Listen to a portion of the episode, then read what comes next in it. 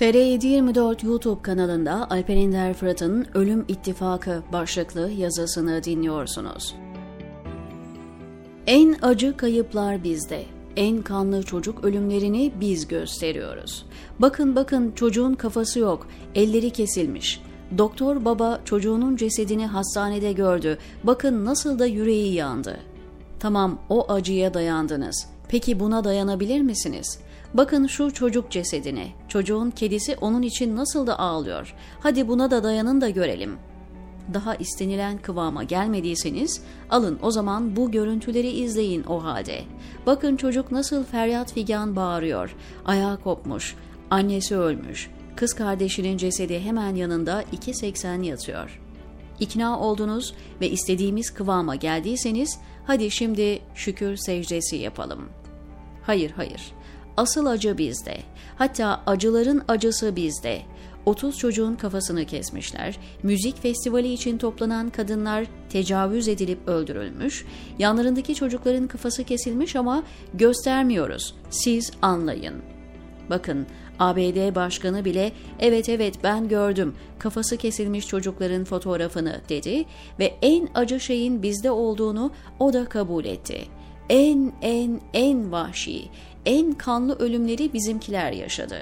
Öldürüyoruz, bombalıyoruz ama onlar daha çok öldürdü. CNN'i ve bizim kontrolümüzdeki dünya medyasını daha çok izlerseniz en iyi ölülerin bizim ölülerimiz olduğunu siz de kabul edip ikna olacaksınız. Nasıl da ölü yarıştırıyorlar? Onlar yarıştırır da bizimkiler bu fırsatı değerlendirmez mi? Ulan utanmazlar.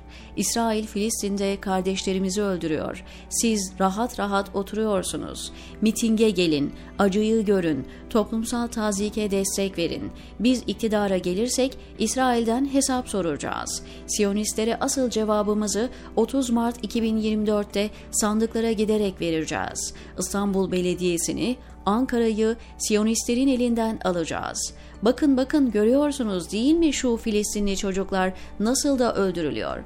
Bunların hesabını sandıkta soracağız. Bu kadar kanlı çocuk görüntüsünden sonra bizi desteklemeniz şart oldu. Şiddetin en iğrenç pornografisini sergileyerek bunun üzerinden kamuoyu oluşturmaya çalışan iğrenç bir durumla karşı karşıyayız. İsrail'de savaşmak istemeyenlerin, Hamas'la Gazze'de savaş istemeyenlerin İsrail saldırılarıyla ortadan kaldırıldığı, sonuçta hep savaşın ve iktidarların kazandığı çirkin süreçler yaşıyoruz birbiriyle düşmanmış gibi görünen ölüm ittifakları beynimizi ifade ediyor. Gazze'de her gün insanı yaşamaktan utandıran çocuk cesetleri görürken Hamas'ı yönetenlerin çocuklarının ve yakınlarının nerede olduklarını çok merak ediyorum doğrusu.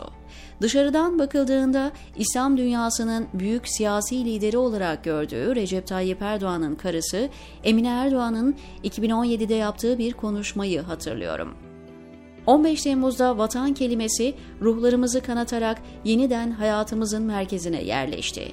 Yeni nesil artık vatan için candan vazgeçmenin ne demek olduğunu çok iyi biliyor.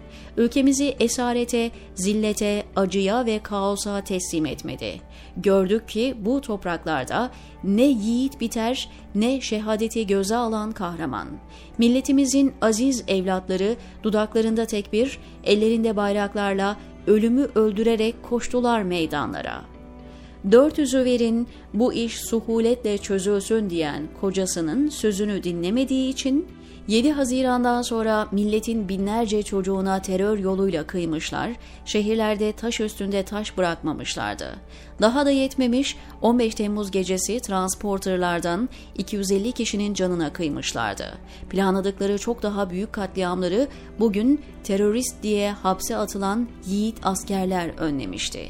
Yani dışarıdan Türkiye'ye bakan İslam dünyası AKP iktidarını da İslam mücahidi olarak gördüler. Bu nedenle kendi iktidarları ve çocuklarının geleceği için yoksul çocukları bozuk para gibi harcayan münafık ruhların ajitasyonlarına boyun eğmemek, Hamas'ın ve Netanyahu iktidarının AKP'den hiçbir farklarının olmadığını anlamak lazım, diyor Alper Ender Fırat TR724'deki köşesinde.